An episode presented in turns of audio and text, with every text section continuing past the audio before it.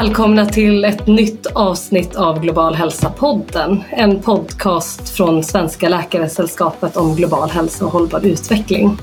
Jag heter Hedda Ottesen och jag är läkare och doktorand i global hälsa vid Uppsala universitet. Och med mig har jag Anna Theresia Ekman, ordförande i Svenska Läkaresällskapets kommitté för global hälsa. Idag gästas vi i podden av Anders Nordström. Varmt välkommen Anders! Tack så mycket! Vi är väldigt glada att du är med i podden. Du har ju ett väldigt långt, spännande och eh, imponerande arbetsliv i global hälsa i världen bakom dig eh, och befinner dig också fortfarande mitt i svängen. Du har ju tidigare gästat vår podd, maj 2021 eh, så jag vill passa på att tipsa om det avsnittet för alla lyssnare som blir sugna på att höra ännu mer efter dagens podd. Så idag tänkte vi ägna avsnittet till att dels lära känna dig lite grann men sen djupdyka i lite aktuella frågor. Så vi vill höra dina reflektioner kring hur det svenska och globala engagemanget för hälsa utvecklas över tid och vad som är de viktigaste frågorna framåt för att nå till Agenda 2030-målen och nå upp till hållbarhetsmålen. Något som vi är lite extra intresserade av kanske är att höra om hur du ser på det förändrade globala hälsolandskapet som vi nu kanske ser i Sverige. Eller vi kanske bara är alarmister. Men eh, vi tänker att det någon, om det är någon som kan svara på det så mm. är det nog du. Vem vill du börja med att berätta lite om dig själv Anders? Det kan jag absolut göra. Tack för att ni bjöd in mig igen. Alltid roligt att vara här. Eh, alltid roligt att se ert eh, engagemang och lyssna på poddarna. Det är alltid roligt. Nej, men som du sa, jag har jobbat med global hälsa under ganska många år, lite för många år kanske till och med, men jag tycker fortfarande det är väldigt roligt och passionerad över detta. Eh, jag har precis nu nyligen gått i alla fall formellt förtidspension nu från Utrikesdepartementet som ambassadör. Så nu frilansar jag och gör alla möjliga roliga saker, har lite mer frihet. Men jag har haft förmånen att jag började en gång i världen jobba för Röda Korset ute i Kambodja. Det var enda gången som jag jobbat som riktig doktor på, på sjukhusgolvet på, på en barnavdelning där och sen för, för Röda korskommittén under flyk, stora flyktingvågen som var 1991 in i Iran. Och sen har jag fortsatt jobba på Sida, jag har jobbat på WHO i Genève, jag har jobbat på WHO i, i Sierra Leone under ebolautbrottet så jag har haft, haft förmånen att få göra väldigt mycket roliga saker. Både att få jobba lite närmare så att säga verkligheten, att där det har ja, där det, där har skett saker och ting, man har sett vad som har skett på marken och man har sett vilka effekter det har blivit utav det till att också vara med att definiera de absolut övergri mest övergripande policy och politik, politiken i världen så att säga. Och det har varit väldigt kul att få, framförallt att få göra, det här, göra de här lite olika sakerna. Mm. Mm. att få vara både ibland att driva och ge sig hän åt substansfrågor och att få vara chef. Så att jag har gått in och ut ur roller under hela mitt liv. Mm. Spännande. Hur, från början så var ju din tanke att du skulle bli kirurg. Ja. Sen drogs du in i den här global hälsa-världen. Vad var det som hände där? Vad var det som drog dig dit? Att jag tänkte mig att jag skulle bli kirurg, det var egentligen det var då en, en annan kirurg då som inspirerade mig till det som hette Hasse Samnegård som var legendarisk för när man jobbade med global hälsa då på 80-talet. Han hade varit i alla, lite grann som Johan von Schreb idag, men han var då en generation tidigare. Och jag hade då inte tillräckligt mycket poäng för att komma in på läkarutbildningen så jag jobbade på, på Sabbatsberg och bland annat då stod jag på nätterna och assisterade eh, Hasse på operation. Och han berättade då om allting vad han hade gjort i världen, framförallt i Afrika, Kambodja dit jag kom att jobba också sen. Och eh, sen har jag alltid tyckt om att arbeta med händerna, liksom hantverket, att göra någonting snyggt, så att säga, känslan. Men sen så hade jag mitt första jobb i Kambodja, mitt andra jobb i Iran. Där träffade jag min fru. Kom tillbaka till Stockholm och då hade jag gjort klart AT och sen skulle jag specialisera mig i någonting hade jag tänkt mig. Men då var det inte så lätt med jobb. Det här var 1992 eller 1. Det var alltså inte lätt att få jobb som läkare? Nej, det var inte så helt lätt att få jobb som läkare. Så att jag, mm. till att börja med kirurgjobbet då började bli mer och mer specialiserat. Så att bli den här allmänkirurgen då som kunde göra precis vad som helst, då var man tvungen att åka upp till, till Luleå eller någonstans. Och då var vi inte riktigt i den situationen så vi var mm. beredda att göra det. Och sen var det då mm, nästa alternativ var infektion eller barn och det var svårt. Jag hade, mm. hade ett vik på Roslagstull men sen var det svårt att få jobb. Mm.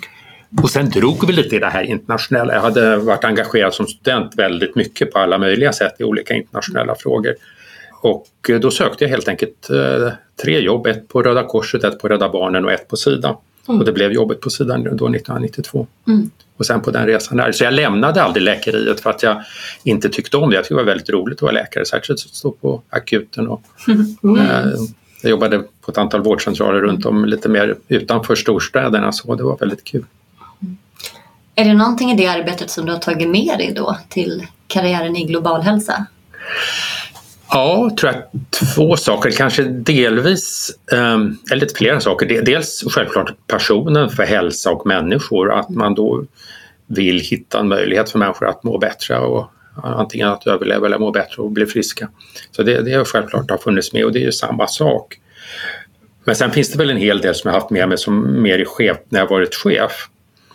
Att eh, det här att liksom kunna ratta runt och stå på akuten liksom när det ja, x antal saker som ska göras, att man har liksom en tydlighet. Vad, vad är det nu vi ska göra och vem är det som gör vad och nu är det här som gäller. Nu har vi gjort en, en analys, ställt en diagnos och nu är det här som ska göras. Det är liksom hantverket på något sätt och vis. Det är ju inte annorlunda än om man då ska leda en VOE under ebolautbrottet så att säga. Och det, det andra som jag har haft med mig väldigt mycket det är det här att eh, som läkare är du en, jag ska inte säga en institution, men du är en funktion eh, och patienterna kan bli arg på dig eh, när du då lämnar ett tråkigt besked eller någonting sånt. Och att kunna skilja på person och funktion. Att man lärde sig läkarrollen, då måste du ta, nu har man inte vit, vit rock längre men på min tid hade man det. Eh, då tar man på sig den och då är man personen, funktionen och så måste man uppträda professionellt men självklart emotionellt också. Men det är inte jag, Anders, som person. Och det där har jag haft stor hjälp, tycker jag, sen i, i att vara chef, att kunna skilja på person och funktion. Mm. Och det får man ju verkligen, ska man säga, dagligen mängdträning i när man jobbar på till Ja. exempel akuten. Ja. Just i att kunna skifta där mellan person och Ja. Ja. eh, profession. Det var ju 1992 som du började jobba på Sida. Och det är mycket vatten som har runnit under bron sedan dess i global hälsovärlden. Mm. Det är Millennium Development Goal-eran och nu är liksom hållbarhetsmålen och vi befinner oss ju mitt i den här SDG-eran. Så dels synen på global hälsa, vad det är och även Sveriges roll har ju förändrats under den här tiden. Hur har global hälsa-världen förändrats och hur har Sveriges roll i detta förändrats? Om man tar en fråga i taget. det är okej. Absolut. Eh, för att globala hälsovärden på ett sätt och vis har inte förändrats så mycket. Och det här är ett bekymmer.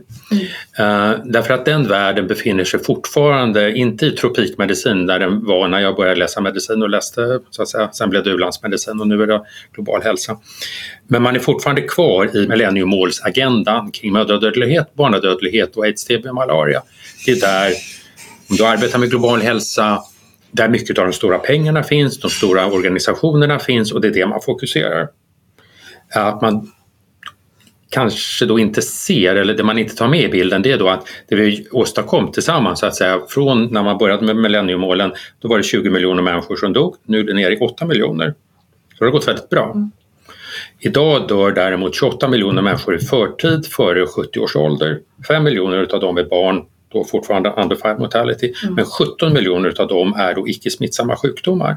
Och det är den stora utmaningen i världen. Att millenniemålen har väl lyckats, nu syns inte detta i radio, men det har eh, visar med handen att det har gått ner medan däremot icke smittsamma går upp. Och vi ska dö utan någonting, Eh, det är bra. Men däremot att förhindra för tidig död eh, bör vi fokusera mycket, mycket mer på och ha det mer som ett mål än vad vi har idag. Och det nuvarande SDG, Agenda 2030 och SDG 3, SDG 3 är att maximera antal friska år du får. Och det är ett radikalt annorlunda mål än vad vi haft tidigare. Det handlar om överlevnad tidigare, minska sjukdomsförekomst. Nu har vi istället att fokusera på att människor ska vara friska. Jag som har skrivit målet. Mycket medvetet också att det inte skulle vara då som då, den nuvarande, dåvarande generaldirektören för WHO, Margaret Chan, hon ville ha universal health coverage, det vill säga alla människors lika tillgång till service. Jag tyckte bra, men det är bara ett medel för att nå ett mål. Och kan vi ha ett mål som då inte bara är mer tillgång till sjukvård utan faktiskt ett fokus på hälsa, konsekvenserna av det är ganska radikala om man tänker att Ja. vad är det för riskfaktorer? Ehm, Men också det positiva då med, med en åldrande befolkning att om vi kan ha målet att ja, vi ska inte leva tills vi blir 150 men ju längre vi lever så ska vi hålla oss så friska som möjligt. Och vad det är för konsekvenser för vad vi gör då på hälso och sjukvårdssidan eller hälsosidan. Och, förlåt. Nej, sen om man kommer på. Sveriges Ja. roll i detta. Och, och, men så, så, så, jag tycker att den, det internationella systemet och de som arbetar med detta, de är fortfarande kvar i den gamla agendan. Det är få som har tagit sig an den här nya agendan. Även om man accepterar det när man pratar om det, men det är ingen som driver det. På, mer, det finns ju några är klart. Då. Det finns en NCD Alliance och det finns några som gör det, men det är inte så där så att folk står på barrikaderna liksom och tycker att det här är det som vi måste satsa på nu. Och vad beror det på? Att folk inte tagit åt sig det? Jag tror dels att det finns en känslomässig eh, vad heter det för någonting, attachment, att man, är, man är väldigt kny, knyter an väldigt mycket till det man har. Det är rent psykologiskt. Jobbar man med Gavi, vaccinalliansen eller globala fonden aids, TB, malaria, då är det din baby. Mm. Ja. Och att då låta din baby försvinna eller säga att UNAIDS är dags att vi lägger ner UNAIDS nu. Det är väldigt svårt om man då har det som sitt. Så det finns en, väldigt mycket en psykologi i detta. Men sen finns det också, tror jag, de som har jobbat med global hälsa gör ju det utifrån ett biståndsperspektiv och ett, ett minskat fattigdomsperspektiv och många ser inte att cancer, hjärt-kärlsjukdomar, stroke är fattigdomsproblematik. Utan det här tror man är för rika människor, för den rika delen av världen och man gör, har inte gjort sitt hemarbete och sett att de här 17 miljonerna som jag sa som dör i förtid, där dör 85 procent i låg och medelinkomstländer. Tittar man i Sverige så är det den lägsta socioekonomiska gruppen som är mest drabbad av riskfaktorer av de här sjukdomarna. Så man associerar inte detta med fattigdom. Mm. Jag tänker att man kallar det ofta vällevnadssjukdomar. Exakt. Ja. Och redan där så Ja. blir det en helt felaktig Då, landar man, då liksom går man åt fel håll i tanke. Mm. Så det finns mycket psykologi i tanke i detta. Även om folk kan det nog. Men, men sen att... Eh, jag pratade på ett möte i, igår morse om hälsa och klimat och forskning kring hälsa och klimat. Eh, och jag tog exemplet då att en tredjedel av negativa klimatpåverkan kommer från hur vi producerar, konsumerar och eh, slänger mat. Men en tredjedel utav också den stora problematik som vi har i världen på hälsosidan kommer också på, på hur vi äter helt enkelt. Mm. Och då är våra, mina klimatkollegor de är helt med på att tala om vad det här, vad klimatförändringarna innebär för food security, torka, inte, inte tillgång till mat, folk som inte har tillräckligt med mat. Och det är 820 miljoner människor i världen som inte har tillgång till mat. En miljon av dem som dör väl, varje år. Jättedåligt, vi bör absolut jobba på det. Men det är två miljarder människor som är överviktiga, fyra gånger människor, så många människor som dör på grund av övervikt i världen. Kommer klimatmänniskorna att börja prata om att det de gör är viktigt för att minska övervikten i världen? Nej.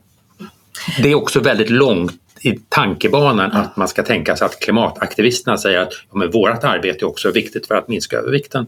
Och Även- ändå skulle det stärka deras agenda. Absolut. jag då.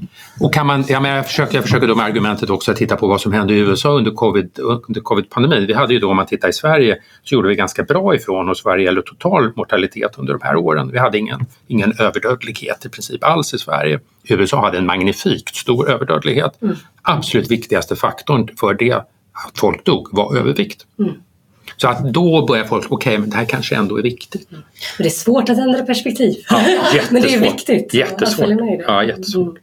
Och då blir jag nyfiken på vad det är som du tycker behövs för att vi ska gå från det här tidiga perspektivet med fattigdomsbekämpning och eh, att minska barnadödlighet och sjukdomar etc. till det här nyare som du beskriver nu där man pratar om hälsa, friska liv. Eh, till att börja med så ska vi fortsätta med det gamla också för den agendan är inte klar. Det dör alldeles för många kvinnor och barn i världen som inte borde dö så att, eh, liksom, missförstå mig inte att vi inte ska göra det. Det måste vi fortsätta med men vi måste kunna göra två saker samtidigt. Jag, jag tror att eh, det, det, kanske det största viktigaste och svåraste det är ju liksom att hur taget samhällena i vårt samhälle bestämma oss för vad vi egentligen vill. Det låter kanske stort men jag, jag lyssnade på Islands statsminister nu för några veckor sedan i New York och i Island har man då infört vad man kallar då för en well-being economy. Det vill säga man testar budgeten hela tiden, alla val man väljer att spendera sin statsbudget om detta bidrar till bättre välfärd. Så att jag tror det är många sådana där lite mer mm, fundamentala förändringar som behövs vart är det vi vill och göra, de valen måste göras utav oss som individer och politiker. Sen eh, tror jag väldigt mycket av också hälsoarbetet framöver att eh, ja, i och med att de viktigaste faktorerna ligger kanske just då på stadsplanering, energiproduktion, energisystem och matsystem. Att, um, att vi måste ha en annan typ av kommunikation med de kollegorna och att när jag kommer att prata med min, eller jag, kom, när jag pratade med min före detta klimatambassadörskollega, jag vill inte att du ska göra hälsa. Men däremot att möjliggöra för dem att prata om att det de gör faktiskt bidrar till människors hälsa. Så att jag tror att det är mycket kommunikation och det är mycket återigen detta med mindset. Mm. Mm. Mm. Jag funderade lite på det här, som global hälsoambassadör som du varit under mm. lång tid fram tills nyligen då, då ehm, så har du jobbat mot flera olika ministrar mm. Eh, och politiker eh, på andra poster också som jag förstår det. Mm. Hur ser du där på hur man faktiskt jobbar för att bryta det här som vi brukar kalla silosen, att man faktiskt jobbar tillsammans mot det gemensamma målet om en bättre hälsa som både finns i folkhälsolagen ja, från 2008 ja, som ja. blivit uppdaterat men också som du säger mål 3 i hållbarhetsmålen. Det ligger ju egentligen, tänker jag, i alla vårs intresse att vi vill ha en bättre hälsa. Hur jobbar man faktiskt tillsammans för att nå det? Det är ju väldigt olika på både regeringar och politiker huruvida man vill detta överhuvudtaget. Den här regeringen tycker jag inte vill det särskilt mycket. Man är inte särskilt intresserad av att titta på de större utmaningarna och titta på hur vi använder oss av Agenda 2030. Nu kan jag säga det när jag har slutat på regeringskansliet. Man är inte särskilt intresserad av det. Mm. Utan Varför man, är man inte det? Ja, Eh, man, man, tror egentligen inte på multilateralism och på ett internationellt system och internationellt samarbete om man får vara väldigt krass. Utan man ser på närområdet och man ser till Sveriges eget bästa. Eh, möjligtvis ser man en vikt av EU men därutöver inte prioriterat av den här regeringen. Och det är mycket tragiskt, mycket olyckligt därför att Sverige har fortfarande stort kapital internationellt och självklart behöver vi globala lösningar. Jag kanske överdriver lite men, men det är nog min, min bild. Om jag tittar tillbaka på personer jag har arbetat med så den jag hade en enorm respekt för och jag tyckte var otroligt rolig att arbeta med var Isabella Lövin. Ehm, och kanske framförallt för att hon var inte så politiskt opportun utan hon var duktig. Hon kunde de här frågorna, förstod de här frågorna ehm, däremot så var hon kanske då inte den mest ska säga, kom, inte kommunikativa politikern men den, den som gjorde de, tog de politiska poängerna på detta och fick politiskt stöd för det här. Därför hon var lite för uh, duktig på att kunna innehållet och förstå de här ganska breda samma, sammanhangen. Om jag tittar på en tredje mm. politiker jag arbetade med mm. precis när jag kom till UD, det var Gunilla Carlsson som är en, idag en mycket god vän och som jag uppskattar otroligt mycket Gunilla använder väldigt mycket hälsofrågorna som ett sätt att kunna tydliggöra vad svenskt bistånd åstadkom och vad det handlade om. Och hon gjorde det, tycker jag, på ett smart sätt att kunna visa att vaccinationer räddar barns liv. Men vaccinationer också bidrar då till primärhälsovård och hälsosystem. Så hon förstod och såg liksom det bredare mm. på ett väldigt bra sätt tycker jag. Men hon som politiker hade ett behov av att kunna konkretisera och visa att det är det här biståndet bidrar till. Mm. Isabella tog ju liksom det stora greppen och tittade på eh, världens och planetens utveckling så att säga. Mm. Och kanske inte lika mycket då på att då plocka fram de här väldigt specifika sakerna. Mm. Och det är ju den politiska verkligheten att ja. politiken är väldigt mycket att kunna vara väldigt mycket konkret. Politik är också att eh, konflikter, du måste skapa, ha en konflikt med någon annan som du ska kämpa och vinna emot. Mm. Och det är någonting som vi som icke-politiker då kanske tycker är lite knepigt. Det är ju bra om alla är överens men politiken handlar inte om att vara överens om utan det handlar snarare om att inte vara överens. Mm. Jag tänkte just på det, hur kommer man in då som icke-politiker? Om man vill ge input eller bidra till beslutsfattande?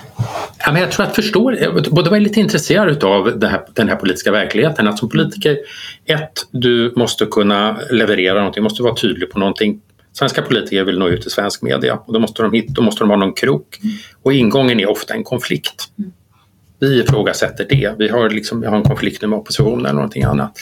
Och vet man hur det där spelet fungerar, att det snarare handlar om säga, de där metoderna, hur man gör. Så kan man fylla det där då med någonting som man då tycker är bra.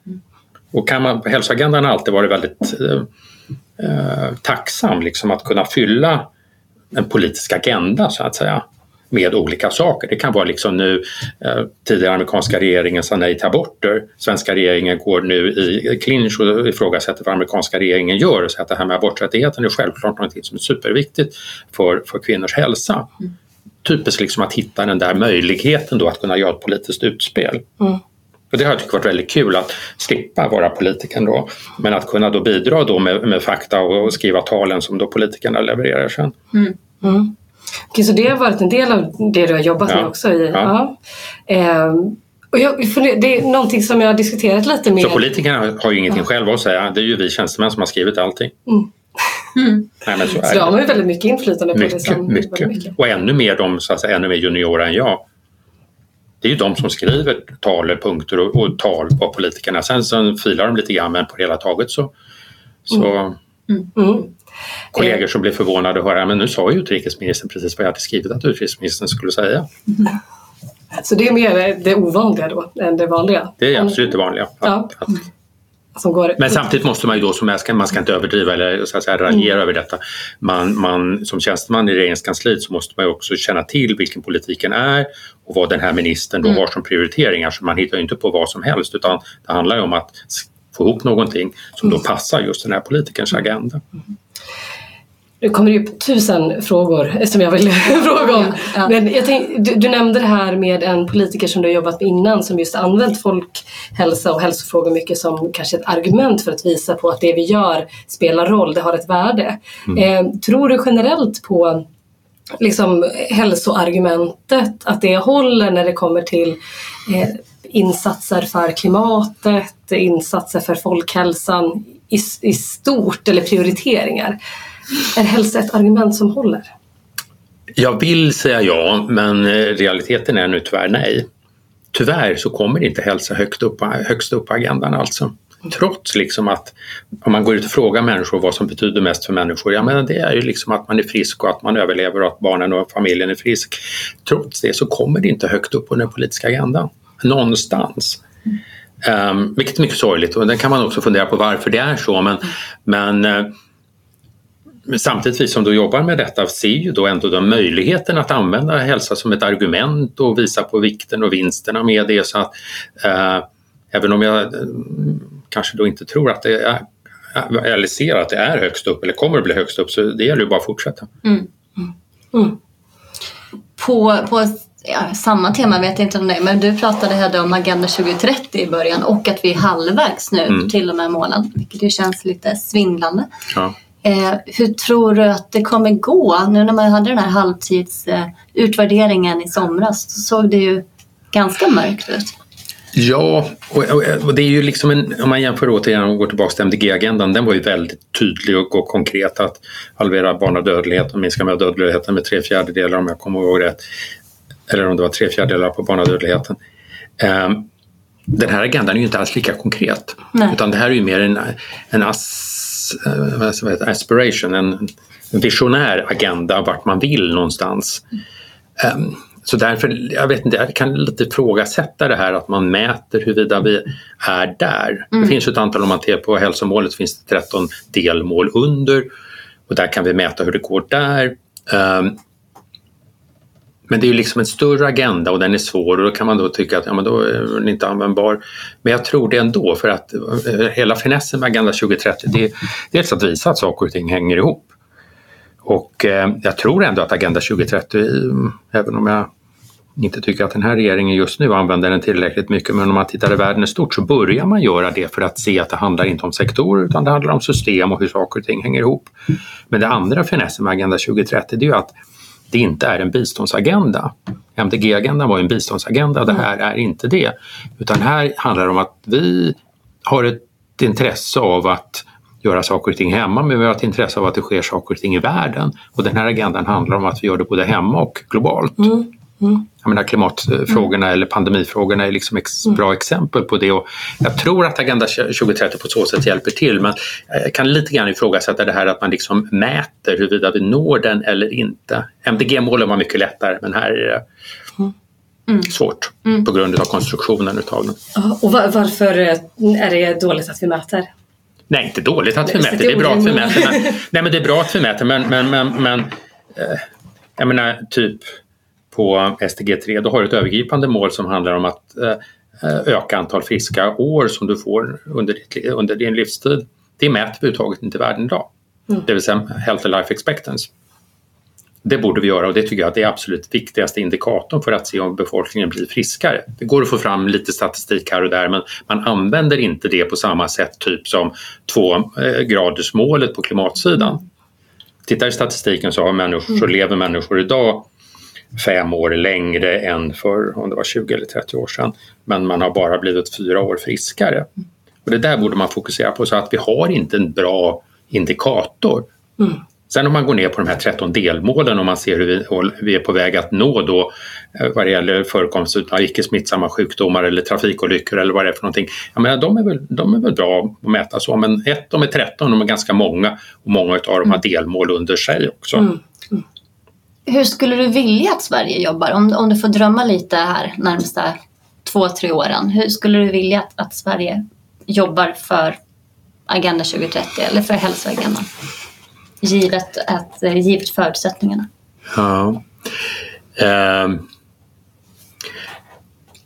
jag tror, jag menar, även om det finns mycket som inte är perfekt i Sverige idag, särskilt inte idag, ehm, Ehm, så finns det ändå väldigt mycket i fortfarande i svenska samhället och svenska modellen så att säga som är, väldigt bra. Och om Sverige kunde lägga lite mer resurser på att bli mer en politisk röst, att visa på att investeringar i social trygghet, i hälso och sjukvård, i förebyggande hälsoarbete, i jämställdhet, hur detta har påverkat utvecklingen i Sverige och att vara med och driva det mer och att se att om man ska bidra till global hälsa så handlar det inte bara om att lägga pengar på vaccin. Mm.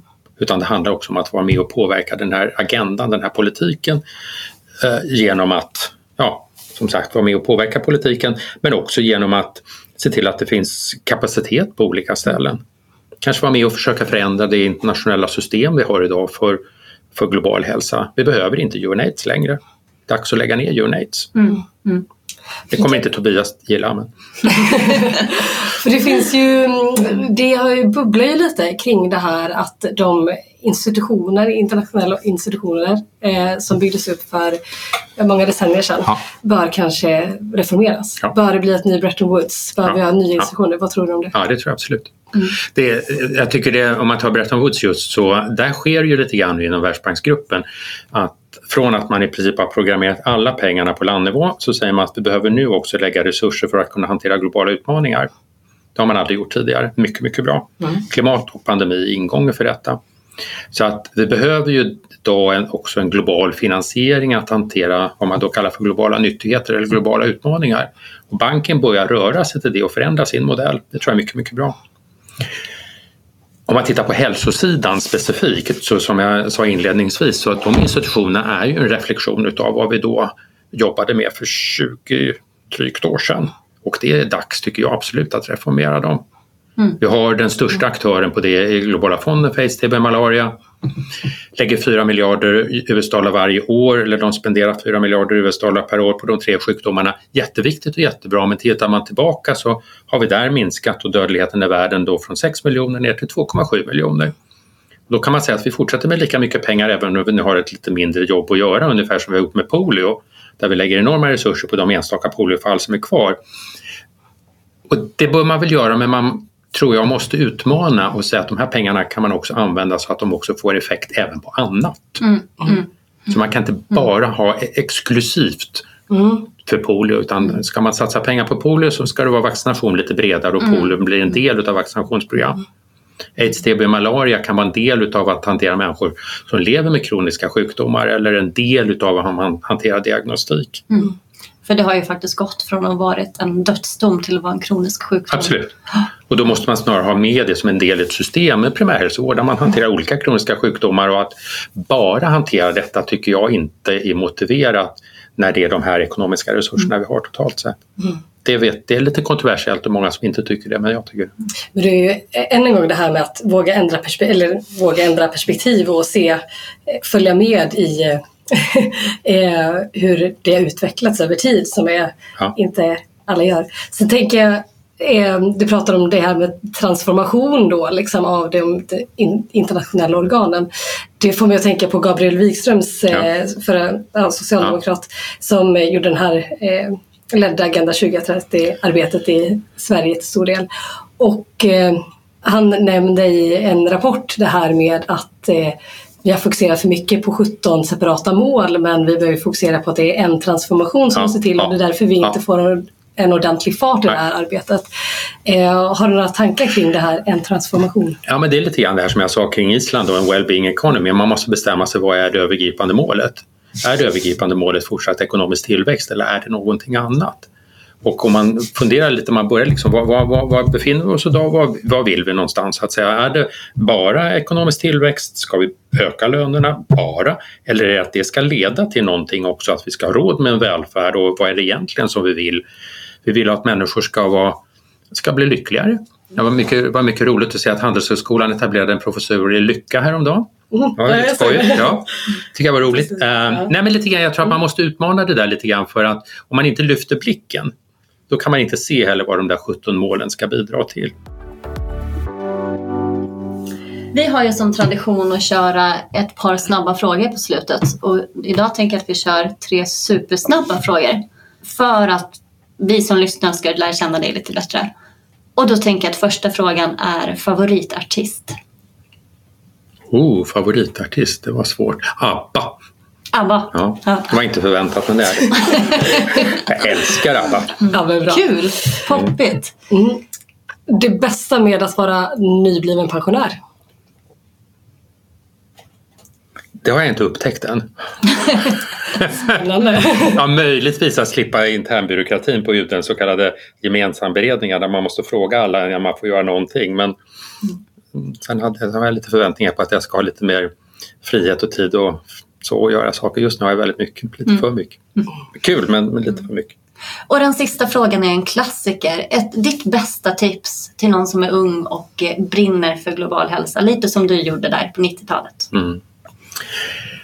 Ehm, ut och, och gör något höll jag på att säga. Det spelar inte så stor roll vad man gör. Om man åker ut och ut en sex månaders eh, luff i Sydamerika och hänger runt på ett antal sjukhus, träffar andra läkarstudenter om man nu är, är läkare.